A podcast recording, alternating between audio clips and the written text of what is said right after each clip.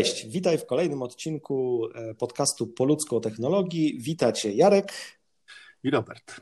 Dzisiaj będziemy bujać w obłokach, to znaczy będziemy mówili ni mniej, ni więcej, ale o chmurze. Tytułem wstępu e, od razu wyjaśnimy sobie, że postanowiliśmy się dzisiaj podzielić rolami.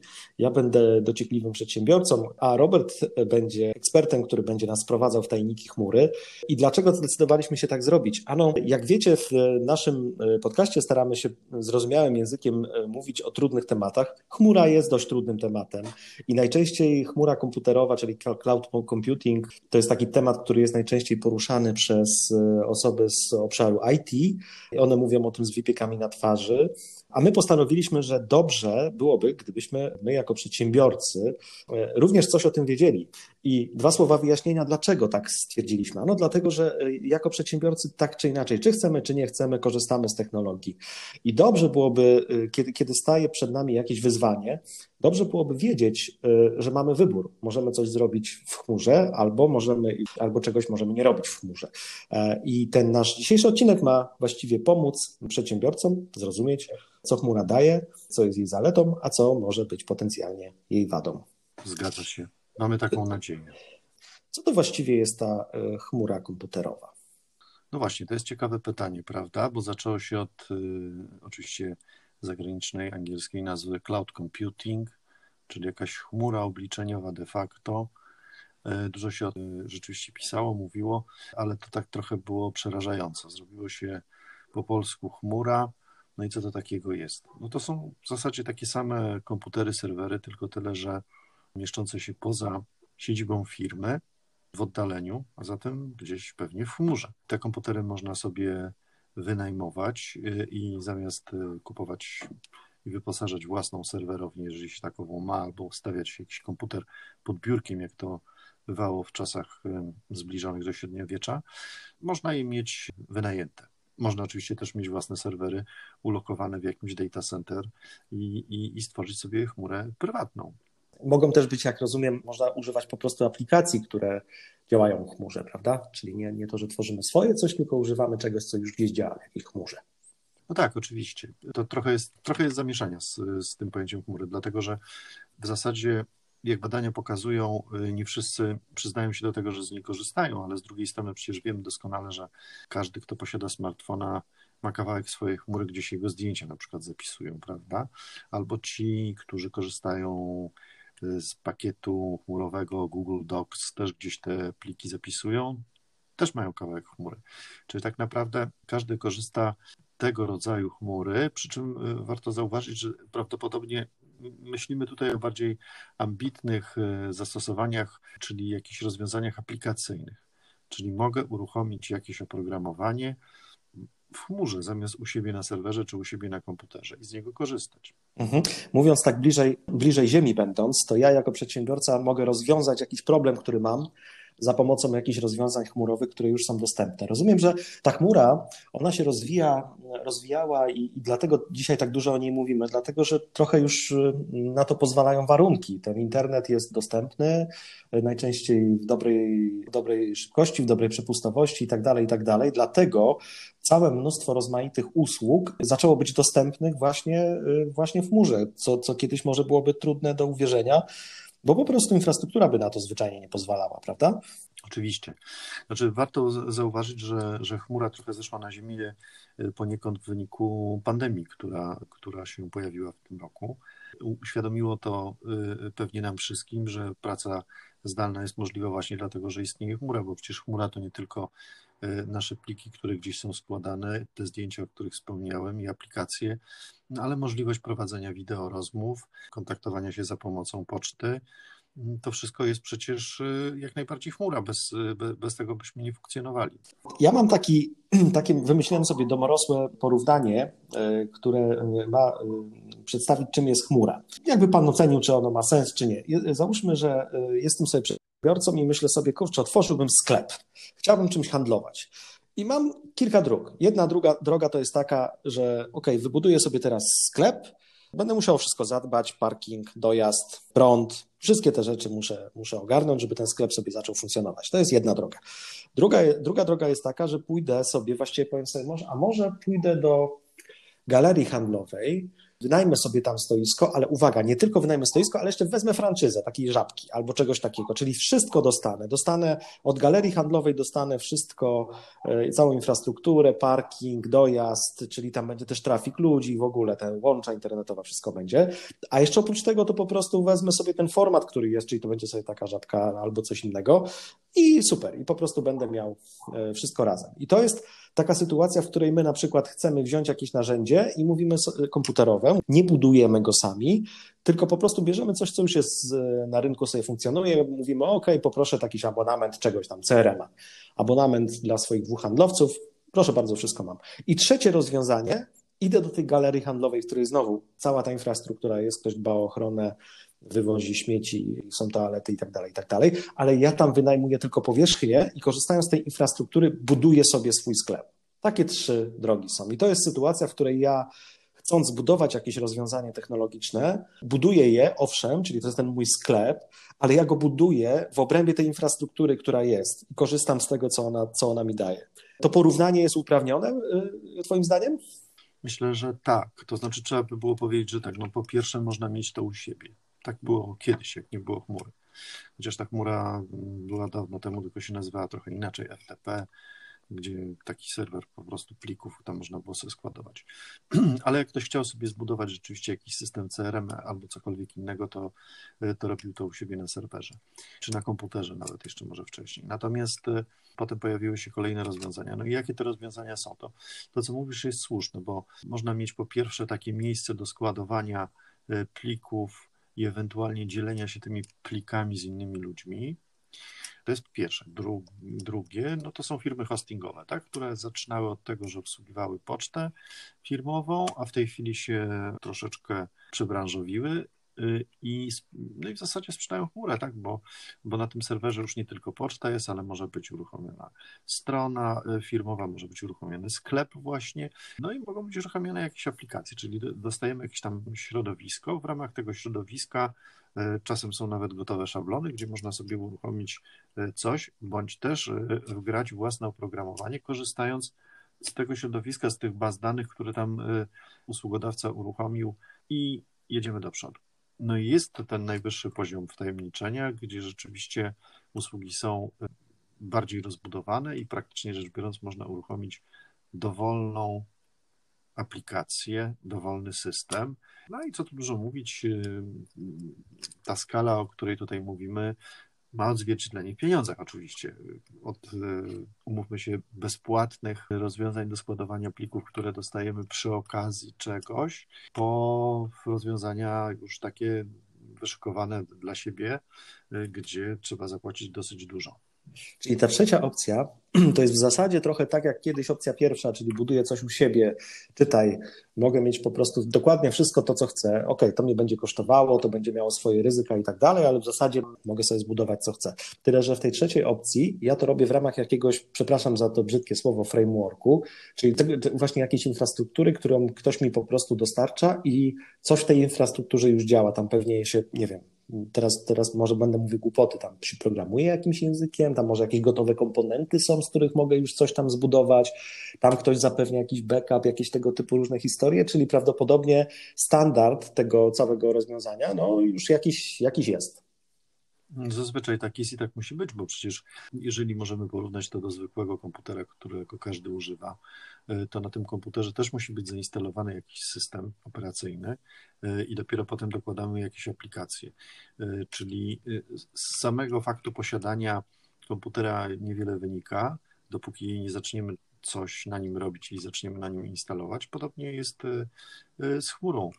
Zazwyczaj usługodawca buduje jakieś środowisko, w ramach którego można e, skorzystać albo z gotowego rozwiązania, albo sobie zacząć instalować. Oczywiście, podobnie jak w przypadku rozwiązań, nazwijmy to stacjonarnych, też musimy płacić za licencję, e, gdyż e, oprócz open source'ów, czyli wolnego oprogramowania nieobjętego jakąś opłatą, no to pozostałe rzeczy są na licencji i to kosztuje.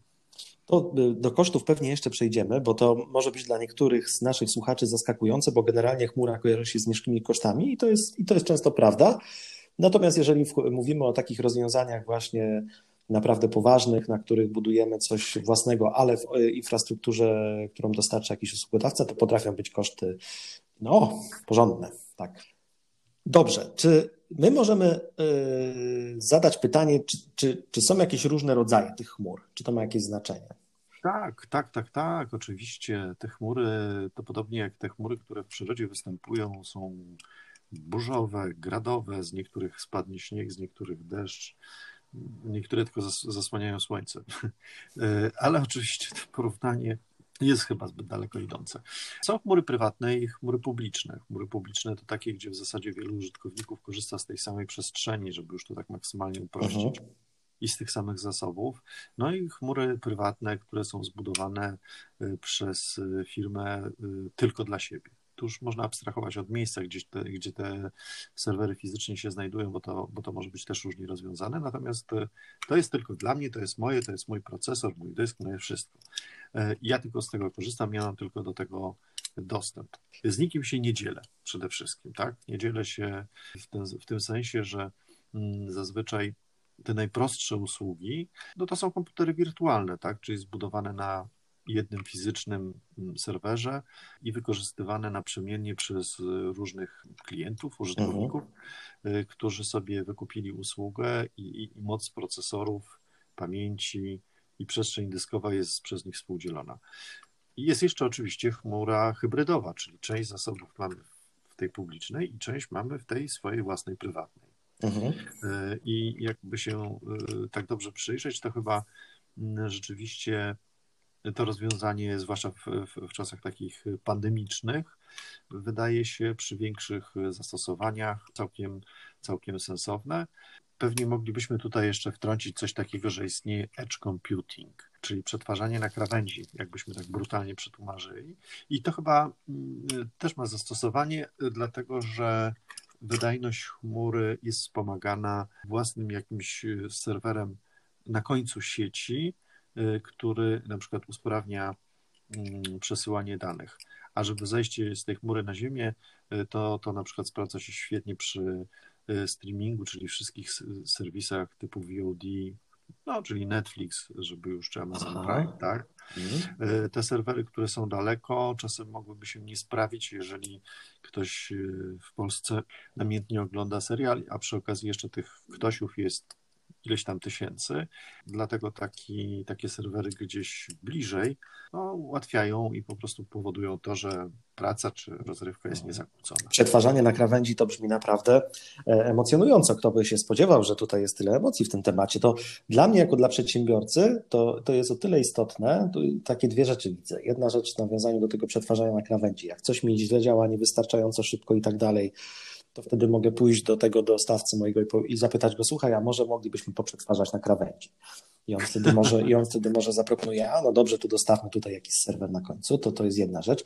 A jeżeli mówimy o tych chmurach publicznych i prywatnych, to rozróżnienie jest o tyle istotne, że jak rozumiem, jeżeli na przykład jestem przedsiębiorcą, załóżmy, że jestem kancelarią prawną i przetwarzam dane swoich klientów, to są rzeczy bardzo wrażliwe i, te, i ta cała dokumentacja z tym związana i tak dalej, i tak dalej, no to pewnie jeżeli korzystam z jakiegoś rozwiązania, które pracuje w oparciu o chmurę publiczną, co jakby powiedzmy y, otwarcie to już w tej chwili jest możliwe, jest możliwe bezpieczeństwo i tak dalej, zapewnienie tych wszystkich rzeczy. Czasami nawet jest łatwiej zapewnić to bezpieczeństwo niż, niż w przypadku utrzymania plików u siebie y, na dysku, ale, ale warto wiedzieć, że wtedy trzeba by się pewnie zainteresować, gdzie te serwery na przykład fizycznie są, bo jeżeli to, jeżeli mówimy o jakichś kwestiach związanych z ochroną danych osobowych, no to pewnie byłoby dobrze, żeby te serwery były jednak w Europie, gdzie wiemy, że ten obszar jest e, w sposób szczególny chroniony na przykład, prawda? A to jest bolączka wielu firm, y, tudzież administracji. Tak? Y, ja robiąc badania w administracji spotkałem się właśnie z taką argumentacją, że my nie korzystamy z chmury, bo nie wiadomo gdzie ona jest, a my jesteśmy zobligowani do tego, żeby, y, żeby dane przechować na terenie Polski. Co oczywiście świadczy o pewnej niewiedzy bo w Polsce jak najbardziej mamy swoje własne data center. Takie piękne, duże data center Orange ma w Łodzi na przykład, bardzo nowoczesne i, i doskonale wiadomo wtedy, gdzie te dane są składowane. Natomiast jeżeli chodzi o chmurę publiczną, to też żebyśmy się nie, nie pomylili i nie zaplątali w tym wszystkim, to, że ona jest publiczna, to nie znaczy, że każdy, kto tam wejdzie, ma dostęp do moich danych. One są dosyć dobrze e, mimo wszystko e, chronione, aczkolwiek chmura prywatna daje e, większe możliwości również w kontekście przetwarzania danych, szybkości, jakości i tak. Więc tutaj jest wiele elementów, które się składają na to, że wybieramy akurat taką chmurę, albo tą drugą, albo łączymy rozwiązania, czyli mamy tą hybrydową chmurę. Jasne. Okay. Gdzie jako przedsiębiorca mogę spotkać się z chmurą? Jakie rozwiązania mogą być, e, mogą sobie funkcjonować w chmurze? Jakbyśmy mogli sobie zrobić taką, taką listę, burzę mózgów, co by tutaj w tej chmurze mogło się znaleźć? A w tej chwili to w zasadzie chyba nie ma dziedziny, która by się nie mogła znaleźć. Tak myślałem, czyli wszystko. Dziękuję. okay, od tego, że pocztę mamy w chmurze. Poczta elektroniczna, e, okej. Okay. Sklep e, internetowy możemy mieć e, w chmurze. Centralę telefoniczną możemy mieć w chmurze zamiast jakichś klamotów, które gdzieś stoją w firmie. Ona może być umieszczona w data center i, w, i wówczas wszyscy sobie ładnie telefonują z domu również, co świetnie się sprawdza w czasach pandemii, prawda, bo wtedy nie jest to przywiązane do fizycznego mm, kabelka miedzianego, tylko w zasadzie tam, gdzie jest internet, tam y, mogę uruchomić y, no, stanowisko. Call center może być w chmurze, y, także w zasadzie tak możemy sobie wymieniać po kolei i, i tak jak powiedziałem na początku, to wcale nie jest takie duże nadużycie. Praktycznie rzecz biorąc, każdą rzecz możemy przenieść do chmury. Oczywiście mówimy tu o rzeczach, które i tak są przetwarzane w jakimś sensie, prawda? Trudno byłoby na przykład pracować na tokarce, aczkolwiek można nią sterować poprzez chmurę. No, Jasne. Jasne, czyli pewnie jeszcze możemy doliczyć do tego, do, do, dorzucić CRM, mój ulubiony, przykład. Y, no pewnie, pewnie, jeszcze tych, pewnie jeszcze tych narzędzi by nam się tutaj sporo pojawiło. W nawiązaniu do tej, do tej, y, do, do tej centrali telefonicznej, to znamy taki przypadek i za chwilę, jak przejdziemy do zalet chmury, to pewnie powiemy o nim trochę więcej, gdzie faktycznie właśnie w okresie pandemii okazało się, że dzięki temu, że ktoś korzysta z takiego rozwiązania, jest w stanie bardzo łatwo sobie nim zarządzić, przeskalować je, to znaczy podokładać jakieś komunikaty, inaczej pokierować ruchem osób, które przychodzą, rozprowadzić je na większą liczbę konsultantów, e, włączyć iluś konsultantów, którzy pracują gdzieś tam w kompletnym rozproszeniu, bo właściwie do, do, do bardzo skutecznej, efektywnej pracy potrzebują po prostu końcówki, czyli komputera ze słuchawkami e, i końcówki tam tego, żeby się zalogować i po prostu to działa. No, jakby w porównaniu porównać tę sytuację do sytuacji, w której próbuje się rozwinąć jakąś centralkę, która jest gdzieś tam fizycznie albo, albo zainstalowana, no to jest rzeczywiście no nie do porównania. Tu się to wszystko dzieje bez porównania szybciej. Zdecydowanie dzieje się szybciej, ale poza tym y, chmura bardzo ułatwia współpracę, co jest niezwykle istotne. Znowu wrócę do tej pandemii, prawda? No ciężko by się nam pracowało, gdyby nie można było współdzielić plików, gdyby nie można było udostępniać efektów własnej pracy, konsultować ich e, z innymi osobami, czy akceptować jakieś dokumenty, projekty i tym podobne historie.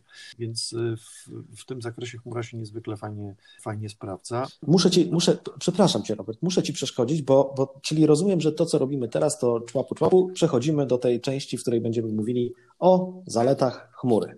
Proszę bardzo. Czyli zaczęliśmy od tego, zaczęliśmy od tego dostępu, tak? Czyli jest ileś ludzi, którzy są rozproszeni i to nie ma znaczenia, bo oni mają dostęp do plików, na których mogą razem pracować. O, no, to, że oni są rozproszeni, to w dawnym świecie, kiedy nie było wirusa, to mogli być rozproszeni na tym samym open space, jak to brzydko się mówi, i też korzystali, czyli nie musieli się fatygować, żeby pokazać to, tylko można było wyświetlić na komputerze u siebie. Natomiast w tej chwili to już wszystko jedno, czy ktoś wyjechał sobie gdzieś na Warmii, Mazury, i stamtąd pracuje, czy siedzi sobie w Warszawie, Wrocławiu czy w Płocku. Jest to równie, równie skuteczne. Tutaj mówimy o takich y, kwestiach użytkowych, ale jeżeli chodzi o zalety, to warto powiedzieć tak, że przede wszystkim takie biznesowe, to, to jest brak kosztów zakupu i utrzymania. Tak? Jeżeli się decydujemy na takie rozwiązanie, które kiedyś królowało, własne serwery, no to musimy wyłożyć pieniądze y, i je kupić po prostu, tak? Czyli wydamy no to pewnie kilkadziesiąt tysięcy złotych, no i musimy je utrzymywać, czyli musi być miejsce, to miejsce z reguły musi mieć klimatyzację, bo one wymagają chłodzenia, musi być człowiek, który się tym zajmuje, no i mamy, mamy, mamy tutaj kolejne koszty, chociażby też licencji, które trzeba odnawiać, tak? Co jeszcze jest po stronie zalet? Czyli, przepraszam, czyli to jest niska bariera wejścia, można powiedzieć, tak? tak? tak. Najczęściej te, te, te warianty e, cenowe, one bardzo często się opierają o model abonamentowy, czyli nie ma tej ceny, te, tego dużego wydatku inicjalnego na to, żeby zacząć korzystać z rozwiązania, tylko po prostu płaci się jakąś, jakąś średnią miesięczną e, kwotę i to jest też o tyle fajne, że to daje trochę większą przewidywalność e, kosztów, prawda? Bo no, tutaj jeszcze ten dodatkowy komfort, bo albo umawiamy się, że wynajmuję sobie kawałek chmury o określonych parametrach za określoną kwotę miesięcznie, albo bawimy się w model pay as you go, czyli płacę za to, co wykorzystałem. I wtedy y, ta kwota co prawda się waha, ale, y, ale nie przestrzelę, tak? Y, czyli jeżeli nie wykorzystam, to nie zapłacę. W przypadku wielu takich startupów, gdzie w gruncie rzeczy ciężko by było określić, ile tak naprawdę ja tego będę potrzebował, to łatwo to sobie wyskalować w górę, ale łatwo też zejść w dół, czyli zmniejszyć koszty, jeżeli, jeżeli ta moc obliczeniowa nie jest w danym momencie potrzebna. Podobnie jest z dyskiem. Jeżeli potrzebuję więcej miejsca na dysku, łatwo go wyskaluję. Robi się to no po prostu suwaczkiem, tak? Przesuwa się suwaczek i teraz będę miał więcej, y, więcej i wtedy za to więcej zapłacę. Zaletą jest na pewno też to, że ta chmura, która się mieści w jakimś y, profesjonalnym data center, jest bardzo dobrze za, za, zabezpieczona, gdyż pracują tam zazwyczaj inżynierowie, którzy mają wysokie kwalifikacje i oni się po prostu na tym znają, ale mało tego, ona jest zabezpieczona również fizycznie, tak? Czyli chodzą jacyś ochroniarze, są kody dostępu, tam nikt przypadkowy nie wejdzie, nie zużyje, nie ukradnie i y, to, to, to też trzeba brać pod uwagę, gdyż u siebie, no co tu dużo mówić, też musimy to jakoś zabezpieczyć, instalować jakiś alarm, y, podpisać umowę z firmą ochroniarską. To też są jakieś koszty policzalne. Tak, broń, to wszystko kosztuje, tak. No broń to w Stanach, u nas jeszcze chyba nie. A, przepraszam, ale... to rzeczywiście to przeoczenie. Tak. Natomiast y, o, o, jak już mówimy o tych standardach, to, to też y, jest kwestia na przykład backupów, czyli takie rzeczy, które robiąc coś samemu i, i idąc do celu, żeby osiągnąć natychmiast to, co, co jest mi potrzebne jako, jako, jako przedsiębiorcy, mogę zapominać o takich drobiazgach jak backup i tak dalej. Przypominam sobie o nich, jak już coś się wydarzy. Tutaj jednak mamy coś takiego, że dzięki temu, że to jest tak wysoko sprofesjonalizowane już, nie? I już tylu korzysta tych przedsiębiorców z tego, to pewne standardy po prostu dostajemy na wejściu, jak tam wchodzimy, tak jak do tej galerii handlowej. Prawda? Tak, oczywiście, znaczy backup to, to, to jest taka oczywistość już jakby w przypadku chmury, to jest też bezpieczeństwo, odporność na, na ataki. Poza tym y, jest coś tak pięknego jak redundancja. Y, I to zarówno zasobów, jak i łącza na przykład, co w firmie niekoniecznie może być takie proste do, do zrealizowania, bo nie każdy ma taką możliwość, żeby sobie wynająć na przykład dwa światłowody pochodzące od różnych dostawców, żeby być bezpiecznym na okoliczność tego, że jeżeli jeden zawiedzie, to na drugim będę dalej mógł prowadzić e, swój biznes, czyli na przykład sklep. E, a straty byłyby na pewno olbrzymie, gdyby ten sklep przestał działać na kilka godzin, kilka dni może.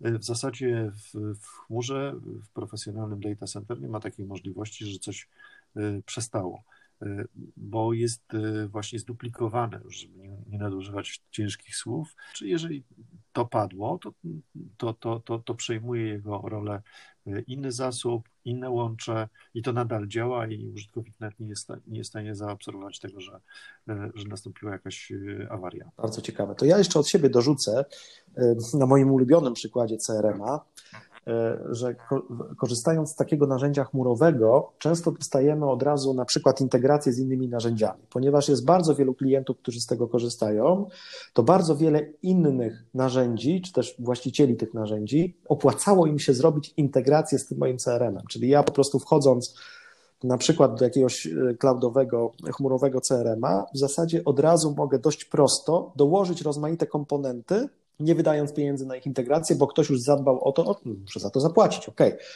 Ale jakby włączenie ich to jest, no jest bez porównania prostsze niż gdybym musiał to kodować sam. To jest taka jeszcze kolejna cecha, która mi przychodzi do głowy. I jeszcze jedna rzecz, dzięki temu, że to jest e, dostępne przez sieć, przez internet, to często jest tak, że dostęp jest wygodny dostęp. Mówię o tym, że interfejs jest wygodny, jest z wielu typów urządzeń, czyli y, to nie jest tak, że jak teraz tego mojego słynnego CRM-a wezmę, to ja będę miał dostęp przede wszystkim przez komputer, bo 90% ludzi pracuje przez komputer, wymyślam teraz, ale kiedyś tak było na tych rozwiązaniach on-premise, nie? że tam po prostu ten komputer, jak chciałem teraz dodać, ok, to ja bym chciał dodać, dodać dostęp przez komórkę, a ok, to jest w ogóle dodatkowy projekt, wydatek i tak dalej, i tak dalej. A tutaj jest najczęściej tak, że w przypadku tych rozwiązań, ponieważ jest tak, że jest bardzo wielu klientów, którzy korzystają, opłacało się zrobić wygodne dostępy też z innych e, typów urządzeń, czyli na przykład ze smartfona i tak dalej. Tak, tak. No tutaj oczywiście musimy być e, przygotowani na to, że będziemy mieli rozwiązanie nieidealne, tak? czyli niekoniecznie dopasowane do, e, do naszych szczególnych potrzeb, bo no, są takie specyficzne branże czy sektory gospodarki, gdzie potrzeby są no, szczególnej natury i jak do tej pory nikomu nie opłacało się zrobić uniwersalnego rozwiązania. O, i właśnie, no, ale... właśnie, i właśnie w ten sposób łagodnie przechodzimy, jak myślę, do wad.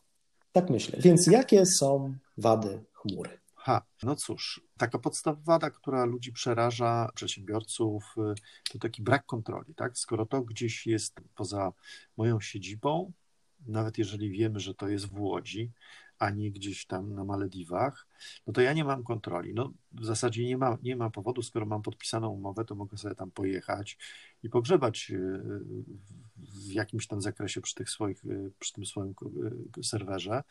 Mm, natomiast no, na co dzień ja, ja nie mogę tam zajrzeć, tak? To niektórzy mają taki jakiś problem mentalny, że nie, nie, nie kontroluję tego, co tam się dzieje. Nie wiem, jak w gruncie rzeczy tam sobie radzą z tym bezpieczeństwem. Muszę wierzyć na słowo, a jak ktoś jest Zosia Samosia i sam sobie zrobi, to, to jest pewne. No, trochę to jest, trochę to jest cecha, przepraszam, że ci przerywam, to jest trochę cecha mm, rozwiązań, czy też branż, czy tematów, które się sprofesjonalizowały po prostu, prawda? I tak naprawdę tam już jest taka sytuacja, że ktoś, kto robi lepiej niż prawdopodobnie zrobię to ja. To znaczy, ja sobie mogę oczywiście, przepraszam za ten przykład, ale próbować naprawiać swoje własne zęby, no ale na koniec jednak pewnie dentysta zrobi to lepiej. No, zdecydowanie tak. Poza tym są tak wyspecjalizowane dziedziny, że w zasadzie y, nie opłacałoby się zatrudniać y, fachowca, który by był tylko i wyłącznie na moje potrzeby, tak, bo byłoby to absurdalnie drogie, więc y, w każdym razie jest to jak, jakaś wada, tak, dla niektórych na pewno y, jest to wadą. Wadą pewnie jest to, że jest trochę niższa wydajność y, w niektórych przypadkach, no i koszty, bo tak się składa, że jeżeli chodzi o powierzchnię dyskową, to koszty są dosyć wysokie i, i, jest to jeden z parametrów przy wycenie. Drogie są też bazy, na przykład bazy danych, trzeba sobie wykupić licencję i to nie są banalne kwoty. No i kwestia przepustowości, bo z reguły jest tak, że dostawca wyszczególnia kilka parametrów, które trzeba sobie określić na początku y, i między innymi jest to przepustowość, czyli ile tych danych tak naprawdę będziemy wysyłali i pobierali. I to w niektórych rozwiązaniach, gdzie tych danych jest bardzo dużo, może okazać się, y, no, że jest to dosyć drogie jeżeli popatrzymy na to rozwiązanie takie serwerów dedykowanych, to jest właśnie na odwrót. Mamy pełną kontrolę Miejsca na dysku możemy mieć tyle, ile, ile chcemy, no pod warunkiem, że nakupimy sobie tych dysków. I, i to miejsce wówczas jest relatywnie tanie. No i kwestia łącza. Łącze mam tylko dla siebie, bo to jest mój mój światłowód, już tak upraszczając, tak? Tylko ja z niego korzystam, znaczy moja firma jest fajnie. Więc y, ta przepustowość jest w związku z tym tańsza. No oczywiście zależy też od, od, od jakości łączy. Za tymi zaletami są też wady, prawda? Bo, bo to, jest, to, no. to jest ten jeden światłowód, który jak tutaj on u mnie wisi na, i opiera się na gałęzi akurat, to jak nie daj, nie daj Boże, jakiś piorun zabłąkany uderzy w tę gałąź, to ten światłowód się może po prostu zerwać i, i tyle. I wtedy nie mam żadnego właściwego backupu. No o tym mówiliśmy już wcześniej, także że data center z reguły zabezpiecza się w ten sposób, że ma kilka łącz i ta niezawodność jest zdecydowanie lepsza niż w przypadku małej firmy. Oczywiście duża firma też może sobie pozwolić na to, no ale wtedy te koszty dosyć gwałtownie rosną. My tutaj mówimy o takim polskim przeciętnym biznesie, a nie wielkiej korporacji, którą stać na wszystko, tak? I cóż, no jeszcze wracając, wracając do zalet, no to na pewno to, co mówiliśmy wcześniej, możemy sobie to wszystko wyskalować, czyli jeżeli okaże się, że z pewnych względów, jak chociażby przy pandemii, jeżeli już żeśmy się wcześniej na to powoływali, nagle w moim sklepie gwałtownie wzrósł ruch, czyli wcześniej przychodziło tysiąc osób, teraz przychodzi 10 tysięcy, to własne zasoby mogłyby tego nie obsłużyć, a tutaj po prostu mogę sobie zwiększyć ilość procesorów, ilość miejsc na dysku, mogę sobie przepustowość zwiększyć i to działa, tak? Czyli tak dynamicznie i elastycznie można sobie to wyskalować. No i jeszcze to, co, to, co mówiliśmy wcześniej, że, że, że, że płacę za to, czego używam. Ten model tutaj znakomicie się sprawdza. Hmm. Y, do firmy, jeżeli coś kupiłem, no to już to mam i nawet jeżeli, jeżeli z tego nie korzystam w danym momencie, y, bo na przykład zostałem wyłączony z obiegu gospodarczego, bo mój biznes został zamknięty, no to pff, niestety muszę ponosić koszty utrzymania tego serwera, nadal muszę go pilnować, yy, musi być ochrona, musi być chłodzenie i tak dalej, on tam sobie gdzieś stoi, yy, no i on się amortyzuje, poza tym wydałem na niego ileś tam kilkadziesiąt tysięcy, kilkaset tysięcy, yy, no i co? No i nic, a tutaj jak nie korzystam, nie płacę. Wygląda na to, że, wygląda na to, że jesteśmy chmuroentuzjastami, bo jak zaczęliśmy mówić o wadach, to dość szybko zaczęliśmy znowu mówić o zaletach. To e, ja tylko jeszcze e, tak sobie myślę, że, że to, co nas może powstrzymywać, mnie jako przedsiębiorcę może powstrzymywać trochę to, że powiedzieliśmy sobie, że warunkiem wygodnego korzystania jest jednak ten dostęp do internetu, który po prostu musi być no, musi być wystarczający, żeby to wszystko działało jak trzeba. Wiemy, że bywają z tym problemy, ale też e, możemy powiedzieć naszym kochanym słuchaczom, że mamy sposoby, jak sobie radzić z tymi problemami, jak sobie radzić z e, priorytetyzacją ruchu na, na małych łączach, po to, żeby krytyczne usługi działały, ale pewnie o tym powiemy kiedyś w przyszłości, być może niedalekiej. Jeżeli ktoś ma ochotę nas o to zapytać już teraz, to serdecznie zapraszamy do kontaktu, chętnie pomożemy. A wydaje mi się, że w tym momencie chyba temat chmury w jakimś stopniu wyczerpaliśmy i wydaje mi się, że możemy powolutku kończyć. No ja bym jeszcze powiedział, bo to y, mnie zawsze intryguje, jeżeli ktoś o czymś opowiada, to takie fajne, Y, i wyskalować można, i bezpieczne i tak dalej, to ile jest za to? To zawstydziłeś mnie. Jako przedsiębiorca nie zadałem pytania o koszty.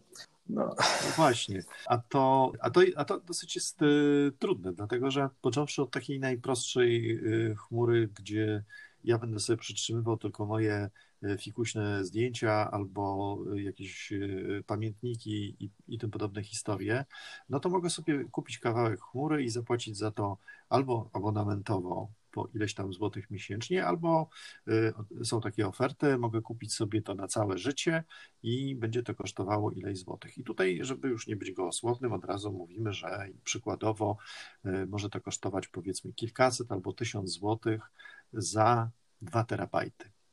To jest przykład ale, ale, ale prawdziwy, no to, to, jest, to jest taki koszt. Natomiast teraz idziemy trochę dalej.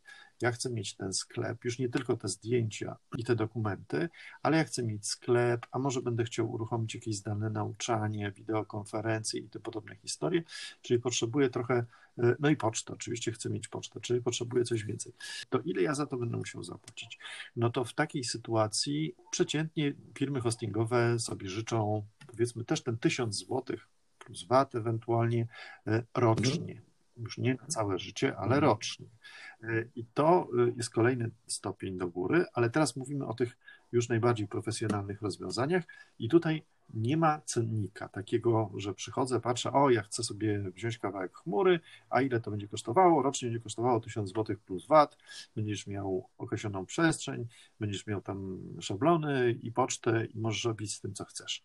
E, a tutaj mówię o tym, że teraz e, damy Ci środowisko, na którym będziesz mógł sobie instalować własne aplikacje, uruchamiać te CRM-y i tak dalej, a zapłacisz w zależności od tego, jak sprofilujesz swoje mhm. zasoby. No i tu się robią schody ponieważ e, w większości przypadków jest to tak, że e, podstawowe pytania zabiją przeciętnego przedsiębiorcę e, swoją komplikacją, nawet jeżeli są stosunkowo proste, bo zazwyczaj takie podstawowe informacje tak, ile chcesz mieć procesorów, no to tak odnosząc się do mm, zwykłego komputera, no nie wiem, no może ja bym chciał mieć na przykład dwa albo cztery.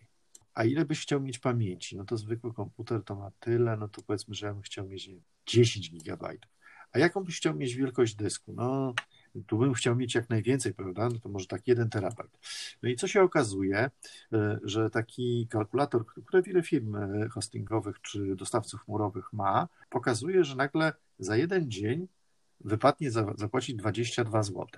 O, i to już się zaczynają robić takie konkretne pieniądze, a cały czas mówimy o tym bez tego transferu danych, za które też ewentualnie trzeba zapłacić. I tutaj jest jakaś taka mała pułapka, bo dla wielu startujących firm, startupów to są trudne pytania wbrew pozorom, bo tak naprawdę oni nie wiedzą, czy ta konfiguracja, o której przed chwilą powiedziałem, będzie wystarczająca do tego y, genialnego pomysłu, który żeśmy sobie wymyślili, czy nie. I myślę sobie, że y, jak już powiedziałeś, y, w następnym odcinku będziemy mogli sobie poważyć na temat usprawniania sieci i sieciach wirtualnych to może przyjdzie taki moment, że zaprosimy jakiegoś mądrego człowieka, który nam wyjaśni, jak sobie skalkulować potrzebne zasoby chmurowe i jak zapłacić hmm. Ja mam takie, ja mam teraz takie, takie myśli, że, bo to są okropne rzeczy, które powiedziałeś, okropne. One mnie jako przedsiębiorcę raczej przerażają i ja, prawdę powiedziawszy, na ten moment pomyślałbym, że sobie wezmę kogoś takiego jak ty, poproszę o, o Twoją usługę, y, żeby kogoś takiego jak Ty mieć po swojej stronie, y, kto po prostu będzie takim moim ambasadorem i po prostu będzie rozmawiał z tym kimś po drugiej stronie po to, żebym ja po prostu nie przestrzelił, żebym wziął dokładnie to, czego potrzebuję, a nie, a nie coś kompletnie zupełnie bezsen, bezsensownego. Jakbym chciał, to mogę. Tak, z takim się, prośbą się do Ciebie zwrócić.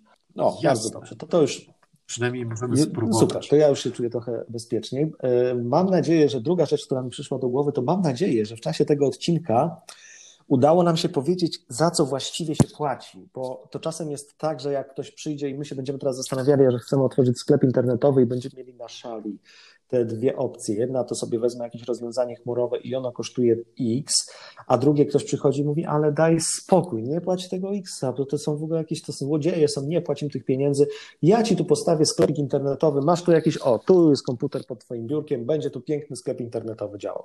No i jakby warto mieć tę świadomość, że jak pójdziemy tą drugą drogą, to pamiętajmy, że wchodzimy w, jak w grę komputerową, w sensie tam po prostu będzie, jest, pojawia się nieprzewidywalność kosztów, tam za każdą, za każdą drobnostkę będę musiał płacić, powstanie rozwiązanie, które nie wiadomo e, na koniec, e, czy będzie takie, jak ja chcę, będzie, jak zaczniemy się zastanawiać, jak zapewnić temu rozwiązaniu bezpieczeństwo, bo wszystko jest ok do pierwszego włamania albo do pierwszej utraty danych i tak dalej, i tak dalej, to nagle te wszystkie rzeczy, za które moglibyśmy zapłacić na wejściu, to one do nas wrócą, tylko że one wrócą do nas prawdopodobnie już po jakichś tam szkodach i być może e, dużo drożej. Nie wiem tego, ale jakby warto pewnie mieć na uwadze, że to po prostu tutaj się właśnie płaci za, no, za takie rzeczy. Zdecydowanie i chyba warto korzystać ze sprawdzonych partnerów i nie łaszczyć się na rozwiązania takie uszyć na kolanie przez firmy, które być może są rzetelne, ale dopiero startują i niekoniecznie mogą podołać na przykład zwiększonemu ruchowi.